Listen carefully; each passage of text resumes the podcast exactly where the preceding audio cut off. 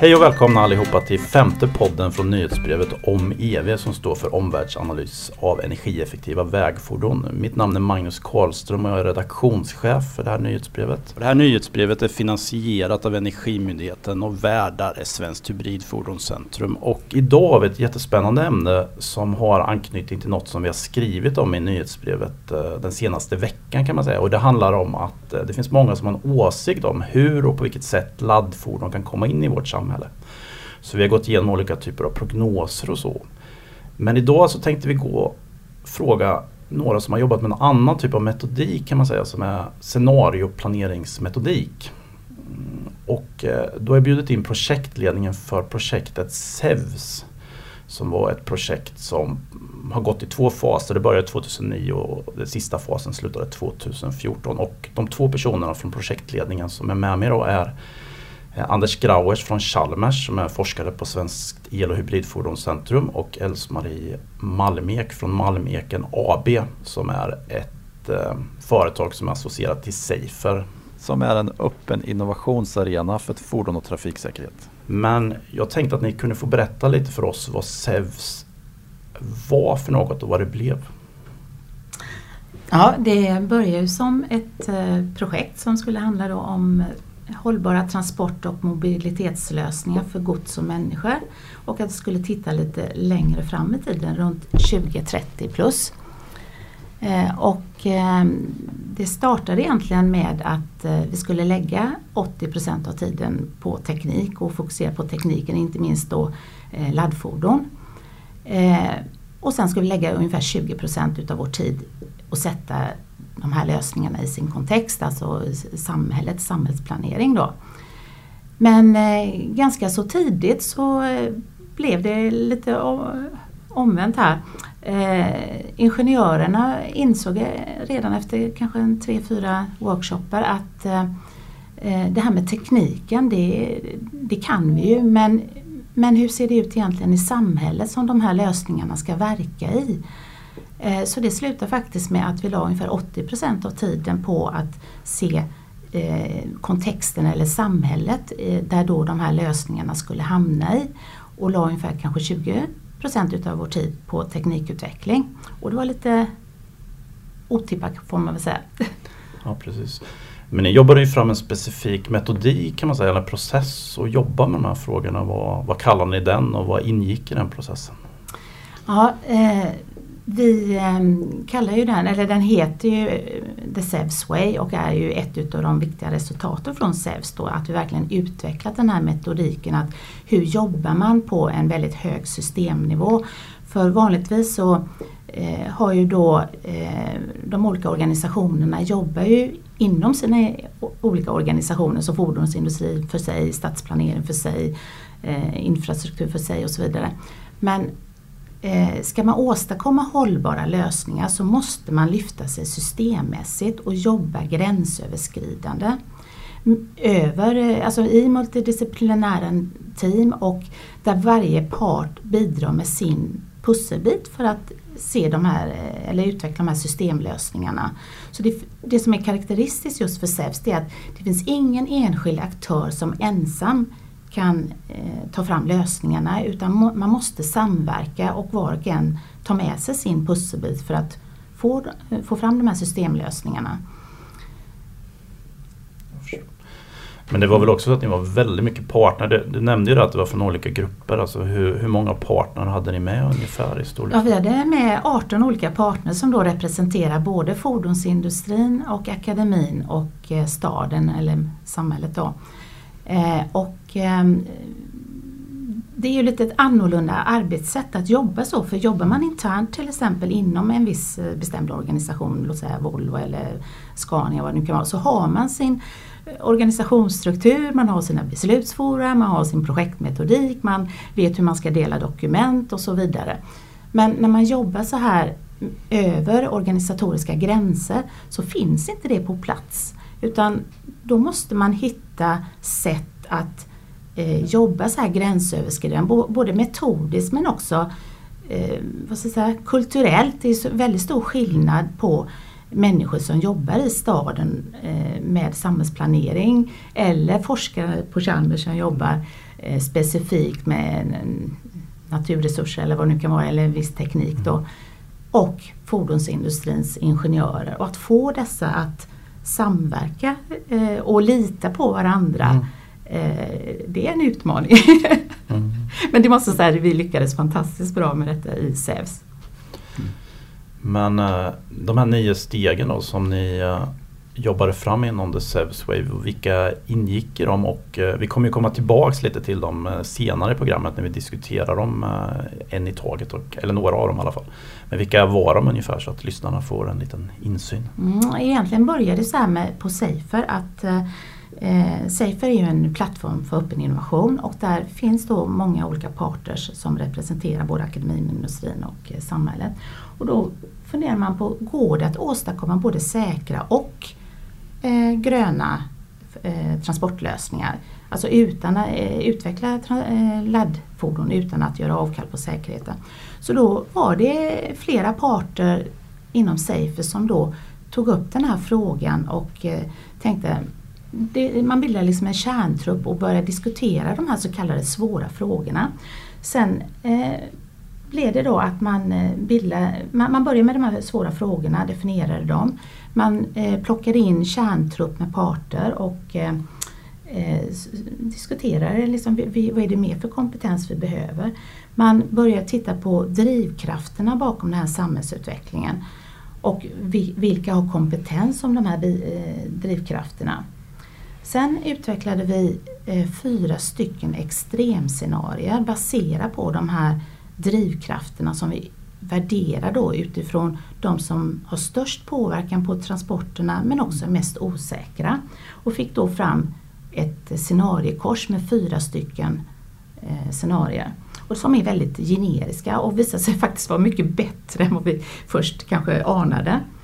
Eh, och sen så tog vi fram eh, vi gjorde intressentanalys och tittade på vilka är aktörerna, vilka är det som är berörda eh, av den här utvecklingen.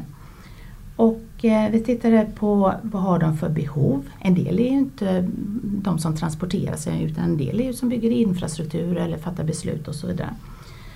Eh, sen så eh, utvecklade vi då olika, eller tog de här eh, konsumenterna kan vi säga som utnyttjar transporterna och tittar på vad har de för behov.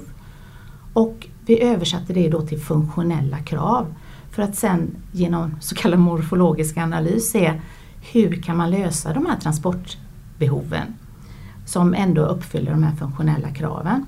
Och sen placerade vi de här olika användningsfallen, eller use casen säger det, i respektive framtidsscenario för att se vad är likheterna, vad är skillnaderna? Eh, och sen gjorde vi också en eh, värdering utifrån hållbarhet. Alltså vad, eh, hur mäter vi säkert, grönt och affordable eller e-, ekonomiskt försvarbart. Då. Och sen drog vi ett antal slutsatser som vi så då återigen kopplade till de så kallade svåra frågorna från början för att försöka svara på dem så vi slöt cirkeln där. Men sen så är det ju så att det, det var ju inte bara de aktörerna som var med i projektet som har påverkan på lösningarna utan det gäller också att adressera ett antal frågor som vi kallar för GOES till aktörer som var utanför det här projektet för att få det att hända. Då. Mm. Eh, en väldigt viktig sak med, med scenarioplaneringen är just det att det, man ser när man gör de här analyserna att, att det går ju inte att förutsäga framtiden. Så det är inte det man till varje pris försöker göra. Utan man försöker tvärtom att fånga alla viktiga drivkrafter och sen försöka filtrera fram de osäkerheterna som finns. Och det är därför vi jobbar med fyra scenarier. Och, eh, att det är just fyra, det, det, måste det inte vara men det har visat sig vara lagom att hantera det. Men det är ju ett sätt att inte börja låsa tanken vid att det blir på ett bestämt sätt. Så scenarioplanering är just en metod som hjälper en att eh, klara av att hantera den komplexiteten man får med en framtid som är osäker. Sen kanske vi ska tillägga också att nu utgick vi ifrån eh, användarna och eh, tittade framåt men just när det gäller scenarioplanering och den här metodiken vi utvecklar nu så kan man ju lika väl börja bakifrån att man utgår från 2050 eller vad det nu kan vara och utgår från svåra frågor och backa tillbaka då. Se eh, eller titta på lösningar, se var, i vilket, i, i vilket scenario är de här lösningarna mer eller mindre lämpliga. Absolut, ja, det är en spännande metodik tycker jag. Absolut. Men jag tänkte om vi ska fuska lite då och gå direkt till svåran. Ja. Det är det alla vill veta. Nej men om man tar de här extremscenarierna och funderar på eh, laddfordons roll i dem eh, när man tar hänsyn till de olika osäkerheterna. Vad Mm. kom ni fram till för robusta slutsatser om vilken roll de skulle kunna ha? Mm. Ja, eh, först innan jag säger slutsatsen får jag säga att det, det finns inga officiella slutsatser som alla i projektet nödvändigtvis ställer sig bakom. Men, men så vår tolkning som sitter här idag är nog ändå att det fanns en hel del eh, slutsatser som var tämligen robusta. Och, eh, vi undersökte ju både familjer och godstransport. Och, och kring eh, familjerna så visade det sig att i just eh, för den familj vi undersökte som var en familj som pendlade Eh, så var ju plug-in hybrider, alltså laddhybrider, eh, det fordonet som var mest attraktivt i de flesta scenarion. Men det var inte helt eh, självklart utan i de scenarier där familjen eller personerna själva driver för att aktivt ta ett steg mot ett hållbart transportsystem. Där visade det sig att i ett scenario där så kunde det mycket väl bli så att Eh, små två, en, en liten tvåsitsig elbil skulle kunna ersätta den bil de har idag och eh, eh kombinerad med kollektivtrafik och med en bilpool. Eh, och, och just en av de här osäkerheterna som finns är, så är ju hur kommer folks beteende ändra sig och, och i ett scenario fanns det också en, en ganska stor sannolikhet att den här familjen aldrig skulle bosatt sig så som de gjorde och därmed inte skulle behöva ha en egen bil. Så konkurrenten till laddhybriden kanske faktiskt inte är en annan bil utan det kan vara ett helt annat sätt att bosätta sig. När det gäller godstrafik då, kom ni fram till något eh, där eller något, någon mer generell slutsats om eh, rollen för laddfordon? Ja, du kan säga att vi tittade på flera olika typer av godstransport men, men den som vi la mest jobb på det var ett use case där det är ett bageri som ska distribuera sitt bröd inom staden. Eh, och eh, det visade sig vara, där var det väldigt robust i den bemärkelsen att det var en elektrisk skåpbil som var lösningen för deras transporter i alla fyra scenarierna vi tittade på. Men samtidigt visar det på en väldigt viktig sak med SEVS. Det är att man ska tänka ett steg till. Man ska gräva lite till och det visar sig att den här skåpbilen eh, dök upp av helt olika orsaker i de här scenarierna. Och förstår man inte det så kommer ju man som företag inte förstå vad det är som händer egentligen. Och det, i, I två av scenarierna så drevs den utav lagkrav och tack vare att den, eller på grund av att den fortfarande var tämligen dyr lösning i dem så blev det istället en köpt tjänst. Där eh, bagaren själv inte hade någon bil utan köpte in tjänsten. Medan i scenarier som var kunddrivet där var det istället bagaren själv som fick de ek- ekonomiska förutsättningarna att köpa den här bilen och kunde driva sin verksamhet på ett sätt som mer liknade det han gjorde idag. Absolut. Jag tänkte vi kanske ska gå Mm. tillbaks lite till extremscenarierna som ni pratar om och ni tog ju upp två axlar kan man säga. Kan ni beskriva vilka axlar ni bedömde som var de mest, eller inte axlarna men drivkrafterna som var mest osäkra som låg på de två axlarna? Bara lite kort för vi har nämnt det lite här bara så att lyssnarna hänger med. Ja, eh, vi hade ju ganska många drivkrafter från början då, men sen så väldigt systematiskt så jobbar vi med att titta på vilka har de störst påverkan på transporterna, både på gods och människor och vilka är mest osäkra. Och då utkristalliserades det att eh, det här med samhällets proaktivitet eller då passivitet, det var en av de starkaste och liksom eh, människors eller individers eh, vilja och förmåga att ändra beteende. Så att eh, det blev då ett eh, kors med lodrätt axel då med samhällets proaktivitet och vågrätt då med eh, konsumenterna, individernas vilja att förändra sig. Och det blev inte en teknikaxel och vilket förvånade mig lite faktiskt eh, med tanke på att det var så ingenjörstungt då. Mm. Eh, Så, ehm, men den finns ju naturligtvis inbakad i alla de här scenarierna. Så det är ju inte det att den inte finns utan Men detta var de mest Mm. utmärkande. Nej, ma- Man ska ju just förstå att de två axlarna är valda just på att de är osäkra och viktiga. Det finns andra minst lika viktiga faktorer men de, kommer vi, de förstår vi mycket mer och de, de eh, tror vi mindre på att de kommer variera.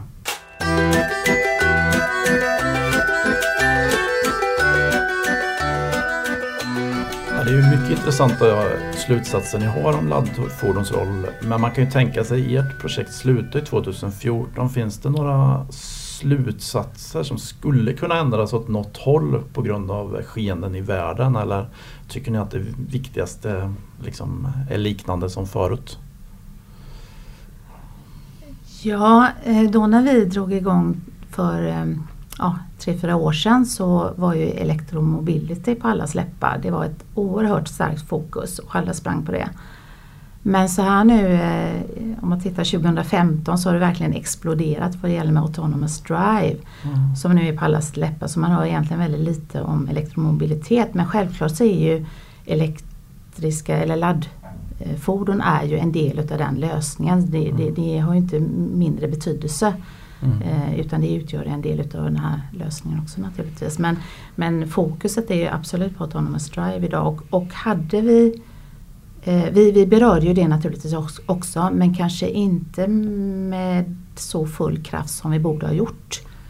Eh, däremot så kan vi säga att eh, den metodik vi har tagit fram nu, The Sevs Way, är ju ett ypperligt verktyg att hantera de svåra frågorna som är kopplade just till autonomous drive. Där, där det inte finns någon enskild som sitter inne med lösningen utan det handlar om lagstiftning inte minst, eh, teknologi, det är eh, ja, eh, infrastruktur och kommunikation, konnektivitet och beteende också och vad, värderingar. Vad man, vill man eh, ja, bara åka med eller vad, vad, vad är bilen till för egentligen då? Mm. Ja.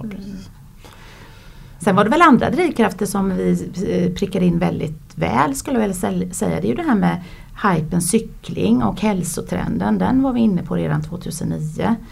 Eh, sen så det som har hänt mer är väl också det här att eh, elektromobilitetens utveckling har eh, drivs kanske ännu mer utav säkerhet, det säkerhetspolitiska läget i världen. Att eh, eh, inte minst då USA kanske inte vill vara så beroende utav den importen utav oljan. Både ekonomiskt men inte minst säkerhetsmässigt och det, de diskussionerna förde vi verkligen eh, upp tidigt på agendan. M- Mycket av de slutsatserna vi har dragit i SEVS och insikterna handlar ju mer om att förstå hur man ska tänka kring problemet. Och en av de problem jag tycker man ser mycket i debatter kring olika eh, sorters sätt att driva fordon det är att man tittar på fordonet och tror att man ska hitta svaret i fordonet. Eh, eller i transportsystemet. Men, men just eh, elektromobilitet skulle jag hävda att där ligger ett av de tyngsta och viktigaste långsiktiga argumenten. Det ligger i energisystemet. Och man kan överhuvudtaget inte förstå vad som händer om man inte tar med det. Så, så eh, det, det är snarast ett, ett sätt att visa att man behöver det här sättet att tänka, det här sättet att angripa problemet för att komma lite djupare i frågorna och svaren. Eh, tyvärr gör det det också väldigt mycket svårare att vara helt säker på sina svar. Och sen har vi också den här eh, eh drivkraften från städerna själva att de tar kommandot över sin stad. Så att det finns ju ingen enda lösning som passar för alla städer för det har ju liksom väldigt, eh, de har väldigt olika förutsättningar. Så att eh, det vi ser idag då det är ju det här med eh, både lagstiftning i städerna och den skjuts vi nu har sett med, på bussidan, elektri, elektroniska bussar då. Eh, och eh, vilken betydelse det har med, med tyst och vad man kan göra inne i bussar och så vidare. Då. Och, det, och inte minst arbetsmiljön för chaufförerna då. Så att det, det finns andra mm, mm, drivkrafter som verkligen har blommat ut nu skulle jag vilja säga. Ju nämnt lite, eller skulle du säga något mer Anders? Eller? Ja, jag var på väg att säga det att, att just det här med att städer agerar, en av de viktiga drivkrafterna är ju just att det finns en driv, eh, drivning mot att gång och cykelanpassa staden. Eh, Och jag tror att ibland missförstår man den när man tittar på den från fordonssynpunkt. Därför att man tror att den är bara en miljöfråga. Och så säger man, eller en klimatfråga och så säger man att ja men vi har elbilar istället. Eh, men då tror jag man missar att, att den här gång och cykelanpassningen faktiskt har sitt ursprung i andra frågor än miljö och klimatfrågorna. Och, och kommer följaktligen inte alls anpassa sig nödvändigtvis eller ändra sig bara för att man kan visa att man har en elbil. Eh, så just hur man ska tolka sådana här saker ger ett behov av att göra ett sådant scenarioprojekt som SEPS. Precis. Nu har vi nämnt lite det här begreppet drivkrafter och ni jobbar ju väldigt intensivt med någon typ av drivkraftsmodell och, och jag är lite nyfiken på en specifik fråga. Ni får gärna beskriva lite vad en drivkraftsmodell är och så också. Men jag, vad är enligt er uppgift drivkraft, eller era åsikter en drivkrafter som kanske inte har så stor betydelse för laddfordons utveckling eh, som många tror? Och likadant tvärtom, mm. finns det någon drivkraft som man kanske inte tänker på som antagligen kommer att spela stor roll? Mm. Ja, dels kan man ju säga att vi har redan i vårt scenariearbete då pekat ut två drivkrafter som är, väldigt viktiga. Eh, och, och, då dessutom väldigt osäkra och det är ju just hur driven, hur, hur eh, aktiv är, aktiva är individer i att själva driva mot hållbara transporter. Inte bara vad de tycker vore bra men vad de också verkligen gör. Det är den ena drivkraften som då kommer att kunna få stort genomslag men som vi är ganska osäkra på hur den kan eh, falla ut. Och det andra är även eh, motsvarande sak fast från det politiska systemet. Eh, har de en vilja att driva och gör de det dessutom eh, så kommer det ju få stor påverkan. Så det är några tunga faktorer och, och det var ganska roligt eh, att notera då just att det inte var teknikfrågorna som kom upp där. Utan tvärtom, ju mer man gräver i det här problemet så inser man att tekniken är mer ett medel och den är en av de frågeställningarna som vi har ganska bra koll på. Medan eh, det som är osäkert men väldigt viktigt är vad folk faktiskt vill använda den här tekniken till och varför. Det är ju eh. som du brukar säga att eh, en förändring sker ju inte bara för att det går utan det måste finnas en vilja bakom. Ofta någon form av marknadskraft bakom dessutom. Mm. Jag, jag, själv har jobbat med det här projektet delvis därför att jag varit så frustrerad över att jag inte kan få ihop min världsbild över vad det är bra vägar och inte. Och, och en, många av de viktigaste sakerna jag har tagit med mig från det här projektet det är inte de specifika svaren utan det är insikter om hur man ska tänka. Eh, och jag tycker mig se vissa tankefel som kommer gång på gång. Och det ena tankefelet är att man från teknisk sida visar att titta jag kan göra en elbil och den är bra nog. Och så tror man att problemet är löst. Men, men man måste ju också ställa sig just den frågan som Else-Marie påpekade här. Att varför sker Varför tror vi att det ska ske? Bara för att den här bilen finns så betyder det inte att den kommer att vinna utan man måste fråga sig vilka drivkrafter finns det och verkligen analysera det beslutet. Ja, vi var ju inne på det här med drivkrafter, vad, vad är det som mm. får saker att hända? Men jag har en liten anekdot från eh, redan 2009 där faktiskt projektet tog en helt ny vändning. Och det var eh, under tredje workshopen, vi pratade lite om scenarieplanering och, samhälls, samhällets drivkrafter. Då. Och helt plötsligt så reser sig du Anders upp och så säger han så här att ja, nu förstår jag. fordonen är en del av lösningen i det större systemet och det är ju faktiskt det här större systemet som vi måste förstå och lära oss mer om. Och det var egentligen den jättestora skillnaden jag såg hos alla ingenjörer, att man intresserade sig för drivkrafterna eh, utanför själva transportsystemet och fordonen. Och att man förstår att de drivkrafterna är väl så viktiga som själva de tekniska drivkrafterna.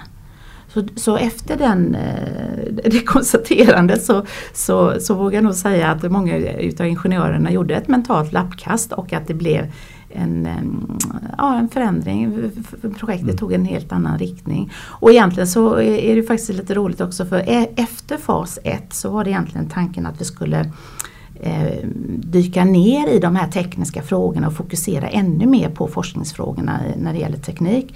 Men istället efter fas 1 så, så kom ju ingenjörerna ut och lyfte blicken ännu mer och sa att vi, vi måste faktiskt eh, lära oss ännu mer utav de här eh, sociala drivkrafterna, samhällsdrivkrafterna för att förstå det större systemet. Mm. Är det, men är det någon drivkraft i det stora systemet som ni kan ge som exempel att liksom ni tog med i diskussionen som, ni liksom, som, som kom upp som eh, ja, är väldigt relevant för att förstå möjliga framtider. Jag menar vi pratar givetvis om att konsumenterna kan ändra beteende och att samhället kan ha olika push för att driva frågor. Mm. Men finns det liksom någon mer konkret exempel? Det går. Ja, en, ett konkret exempel det är den här internethandeln. Mm. att eh, det som tidigare utgjorts av persontransporter, att man transporterar sig till affären för att handla mat eller vad det nu är. Eller varor då, så eh, beställer man på internet. Och eh, då kommer en lastbil istället. Och likadant att eh, det är inte alla som tänker på varifrån man gör de här beställningarna. Kanske köper det billigaste från USA och att det kan då generera transportkedjor som är ganska osynliga egentligen. Så just den här övergången mellan godstransport och persontransport. Det, och den här drivkraften internet eller e-handel då. Den tycker jag person, personligen är väldigt spännande och det borde man titta mer på. Absolut. Jag, jag har ett exempel eh, för att visa just det hur man tänker ett steg längre men det är kanske på det omvända nämligen en, en drivkraft som i första anblicken ser jätteviktig ut men, men som man kanske ska bortse ifrån ibland och det, det är ekonomin. Ehm, och vi är så inne i den när vi tänker som företag och som, som eh, privatpersoner därför att vi sitter helt fast i ett ekonomiskt system och det begränsar vad vi kan göra. Men just när man går upp på en större systemnivå så, så måste, måste, måste man inte, men man bör ibland tänka att ekonomin är egentligen bara ett sätt att hantera tillgång på resurser, tillgång på kunskap, tillgång på eh, och, och, även köparnas preferenser och sånt. Och det är egentligen ett kommunikationssystem eller ett smörjsystem. Och vill man förstå vissa långsiktiga trender så måste man zooma bort ekonomin och tänka på de bakomliggande sakerna. Vad är det som verkligen händer där? Medan man i andra del av studierna mycket väl kan tänka i vanliga marknadstermer och ekonomiska termer. Ehm, och det är väl också en sån här slutsats man kan dra som, som gäller generellt när man analyserar sådana här frågor. Det är att man kan inte bara befinna sig på hög nivå och man kan inte bara befinna sig på låg nivå utan man måste tyvärr växla och då behöver man växla synsätt också. Och sen har vi det här med säkerhet som är en väldigt stark drivkraft och eh, den berör ju inte bara själva fordonen utan det är ju samverkan med alla trafikanterna i städerna. Och eh, vi ser ju nu det här med elcyklar och eh, enhjulingar och tvåhjulingar och trehjulingar. Och, eh, och hastigheterna är ju väldigt olika där också och eh, då blir det ja, gärna säkerhetsrisk om man inte hittar liksom formerna för hur de här ska samverka i eh, de här trånga ytorna i städerna. Mm. Ja, och, och, det visar ju just på det här att, att man, kan inte, man kan inte titta på varje transportmedel för sig och svara på är detta bra eller dåligt utan det, man måste se det i ett sammanhang med alla de andra fordonen samtidigt på samma väg. Sen har vi ju det här med lättvikten mm. också som är en mm. väldigt stark drivkraft både ur energieffektivitet eh, men också det här att vi har helt nya strukturer på fordonen som gör att Eh, vi inte, eller, eh, fördelningen av eh, vikt och så vidare blir annorlunda i fordonen.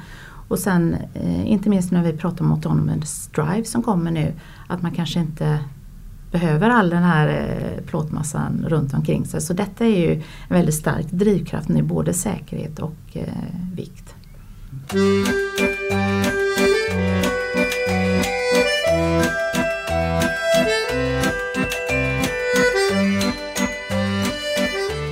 De här drivkrafterna är ju spännande men något som jag tyckte är intressant med ert sätt att jobba, den här The Sevs Way, då, det är ju att ni har jobbat med de här stora samhällsförändringarna och få fram drivkrafter. Men ni har ju också gjort ganska detaljerade användningsfall för att liksom skapa någon sorts um, som du sa Anders, liksom mm. det höga och det väldigt mm. detaljerade. Så jag undrar, kunde du nämna lite hur ni jobbar med de användningsfallen och vad det gav er för lärdomar? Ja, det jag eh, tycker var viktigt var att vi redan tidigt gjorde en intressentanalys där vi tittade på de olika aktörerna som använder transportsystemet. Och då gjorde vi så att vi valde ut några aktörer eh, och i vårt fall så tog vi eh, familjen som en enhet och det visade sig vara en väldigt ja, lagom enhet.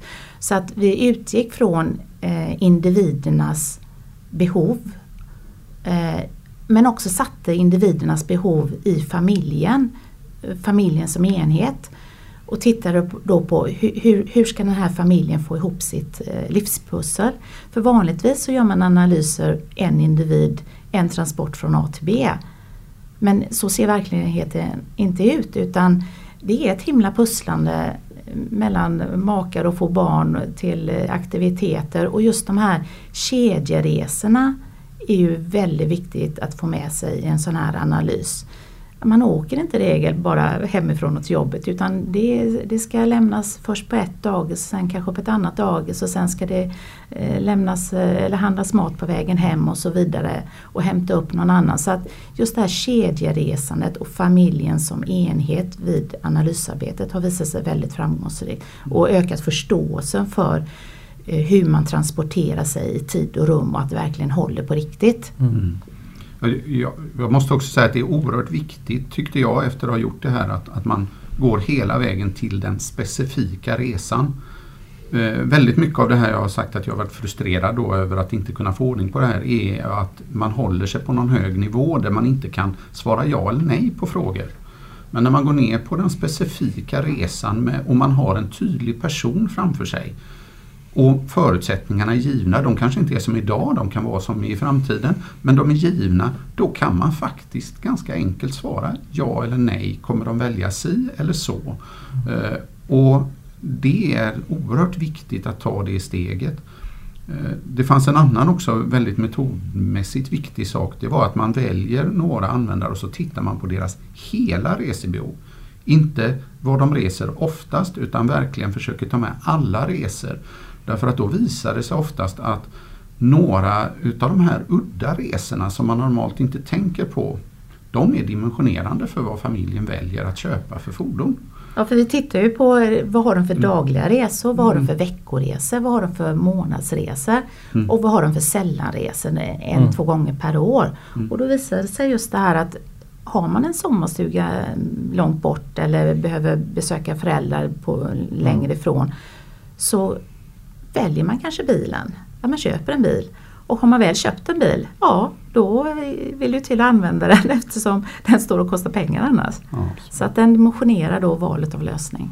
Mm. Och sen skulle jag vilja ta upp det här, det som är populärt idag, det här med nudging.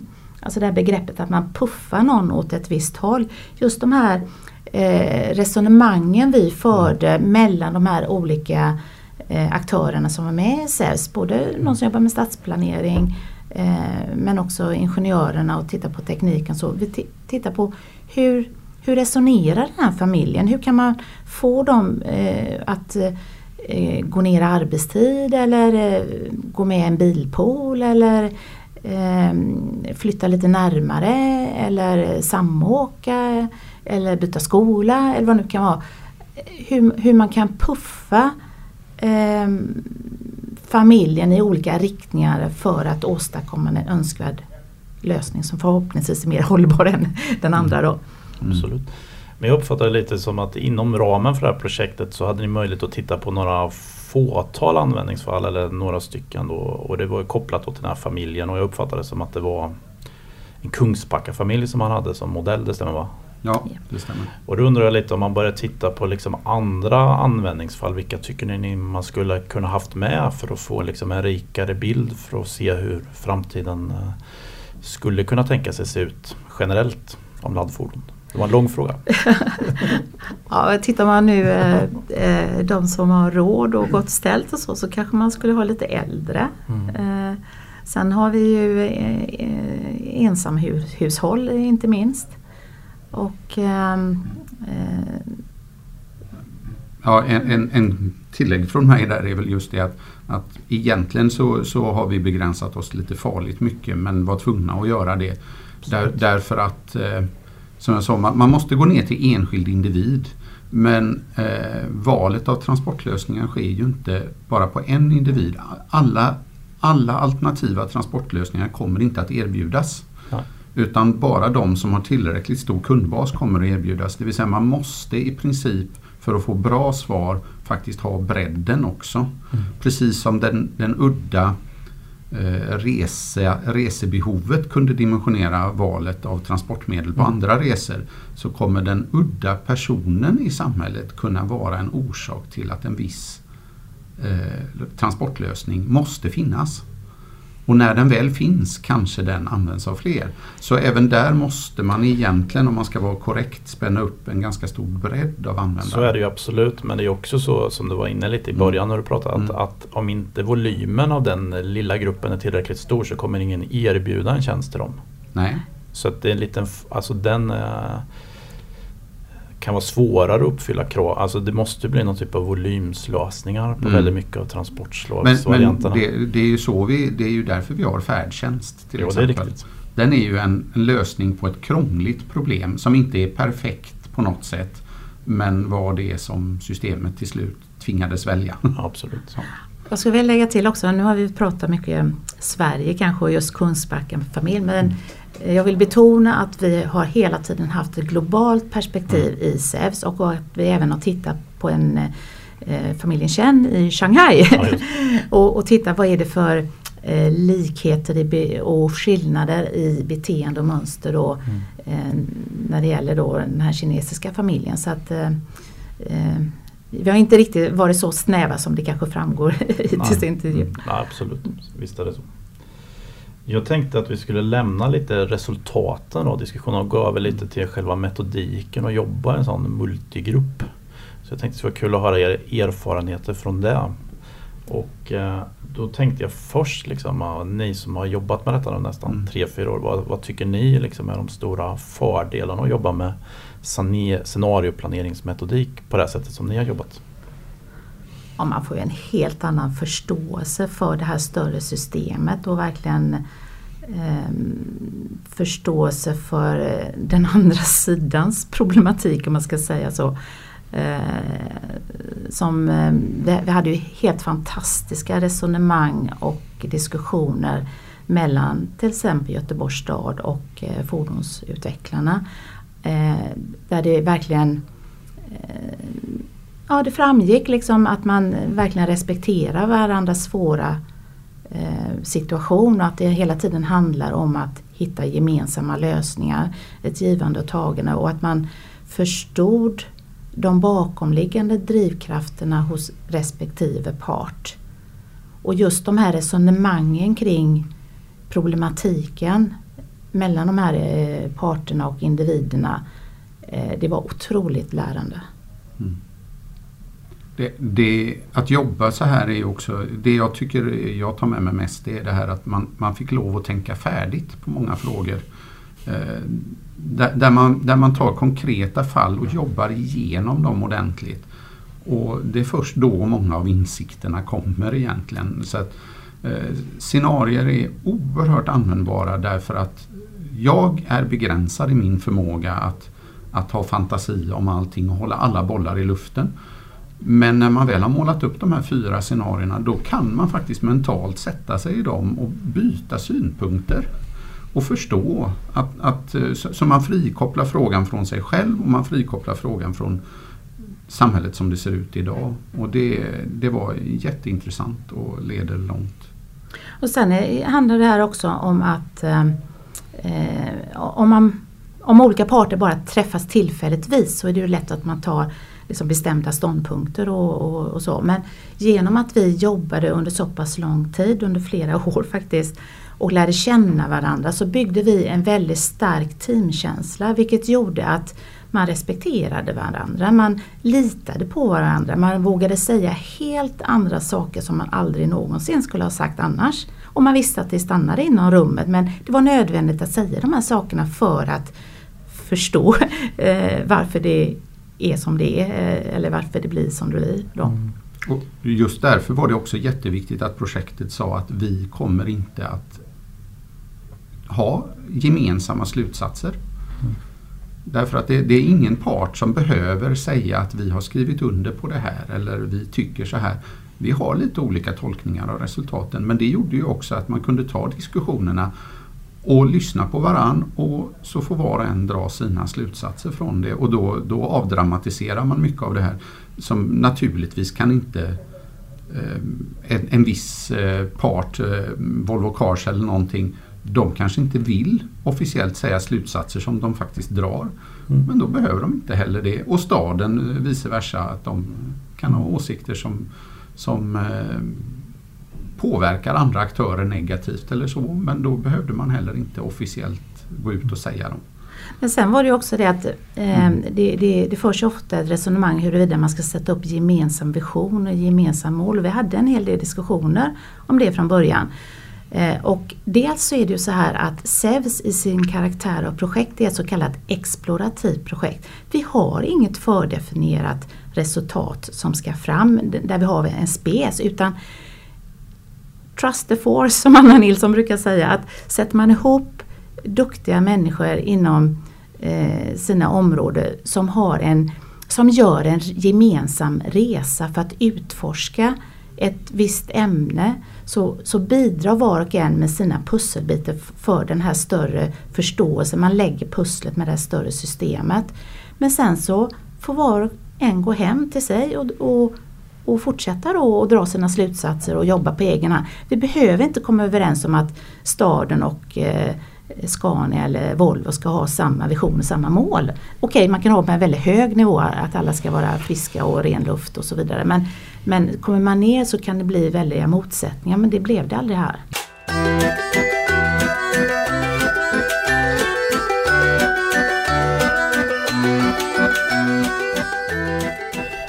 Tänkte nu när ni ja, två år efter projektet har slutat, är det något som ni tänker att ni skulle vilja ha förbättrat liksom, med sättet ni jobbar och så? Gärna kopplat om ni tycker att det finns någon nackdel med att jobba med scenarioplaneringsmetodik som ni kan dela med er till andra som är intresserade av. Och dels är det väldigt resurskrävande. Det tar tid. Det, det eh, Alltså folk ska då från olika organisationer släppa allt jobb de har hemma vid för att en, två dagar i veckan eh, träffas i det här SEVS-projektet.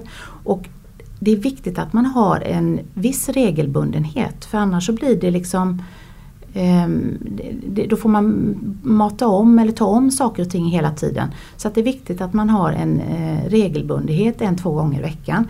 Men sen, eh, sen så förs ofta resonemang kring hur ska vi våga få individer att dela med sig av kunskap i sådana här öppna innovationsprojekt.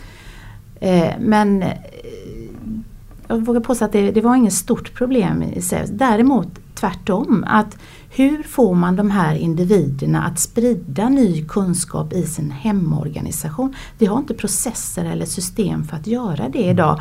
Så många gånger så var det så här att med den här nya kunskapen som var på en högre systemnivå hur skulle de här individerna komma hem och berätta om detta för folk som, eller kollegor som inte varit med på den här resan? Och det, och det är ju faktiskt någonting som har visat sig efteråt också att eh, det är en del individer som har kommit tillbaka och sagt det att när jag pratar om de här, de här större systemen så förstår de inte mig i hemorganisationen. Plus att det är väldigt svårt att förklara vad är det man har lärt sig om det här från de här resonemangen. Det sitter på ett djupare plan. Mm. Så att det är svårt att, att, att, förklara för kollegor vad man faktiskt har lärt sig och hur det här ska komma till nytta till min hemorganisation. Då. Men finns det något sätt man skulle kunna tänka sig att jobba med liksom dokumentation eller så för att man skulle kunna kommunicera det bättre efteråt? Och jag, jag, skulle ju önska att till exempel Safer då som en arena för öppen innovation har eh, ett system eller systemstöd för olika aktörer, att man har beskrivningar på de här generiska scenarierna att man har beskrivningar på olika användningsfall som man sen då kan återanvända och bygga vidare på och sen så kanske man dessutom kan dra, kun, dra ny kunskap genom att eh, återanvända och jämföra dem med varandra. Eh, så, så ju fler användningsfall eh, och om vi har ett eh, system som stödjer dokumentationen så skulle det komma mycket mer till nytta för mm. alla parter. Mm. Jag tror också att man, man, man, eh, man, kan tro att det lätta sättet att kommunicera det här det är att kommunicera just resultat. Men då missar man å andra sidan egentligen en del av, av poängen med det. Vilket är eh, ett annat sätt att se på saker och ting. Därför att har du inte förstått det så kommer du misstolka och felanvända de här resultaten. Eh, så, så jag brukar väldigt mycket mer fokusera just på synsätt, metodik, vilka insikter man, man gör att, att hjälpa de som lyssnar på att få upp ögonen för ett visst sätt att se på problemet. Och att det nog är det viktigaste att kommunicera eh, medan de specifika svaren, de, de, de som sagt, de, de, är mindre värdefulla och mer svårtolkade. Sen skulle jag vilja säga också att vi utvecklade ju The Sevs Way medan vi utförde själva projektet. Och den resan var ju inte spikrak. Eh, men nu har vi ju metodiken och vi har eh, metodiken dokumenterad vilket gör att vi faktiskt kan genomföra The Sevs Way light-version på mm. olika bo bolag eller företag eller organisationer. Eh, och, och då behöver en sån här scenariemetodik inte vara lika tung eller resurskrävande som det var vid själva utvecklingen av metodiken. Så att nu, nu vet vi hur man gör och det finns många personer som har varit med på den här resan och, och som kan driva de här eh, scenarioplaneringarna själva då. Mm. Jag tänkte försöka komma lite till avslut här i den här uh, intressanta diskussionen som vi kunde nog fortsätta ett tag till tror jag. Men jag tänkte, är det något som ni tycker att uh, vi borde ta upp innan vi avslutar som är viktigt att nämna om SEVS och vad det betydde för er och vad man kan få för lärdomar kring framtiden för laddfordon? Jag skulle trycka på att det är oerhört lärorikt att jobba så här och att, att jag rekommenderar de flesta att göra det. Men man ska ha klart för sig vad man ger sig in på också. Att, att det är bara när man tittar på väldigt lång sikt och väldigt stora skeenden som, som man nog tycker det är värt att göra det här jobbet. Har man ett mycket mindre problem, ett, ett problem om hur man ska göra i de närmsta fem åren med en viss teknik då, då tror jag att det här är overkill och dessutom alldeles för tungt att göra det. Men eh, vill man jag skulle rekommendera alla som på något sätt funderar kring strategier och vad som kan hända och vad som är bra lösningar på sikt. De bör egentligen ge, gå igenom det här någon gång. Sen är det som sagt så tidskrävande så att eh, man eh, får göra det vid valda tillfällen tror jag. Sen tycker jag också man ska lyfta fram både Eh, det individuella planet för scenarioplanering, managementnivån och eh, finansieringsnivån kan man säga.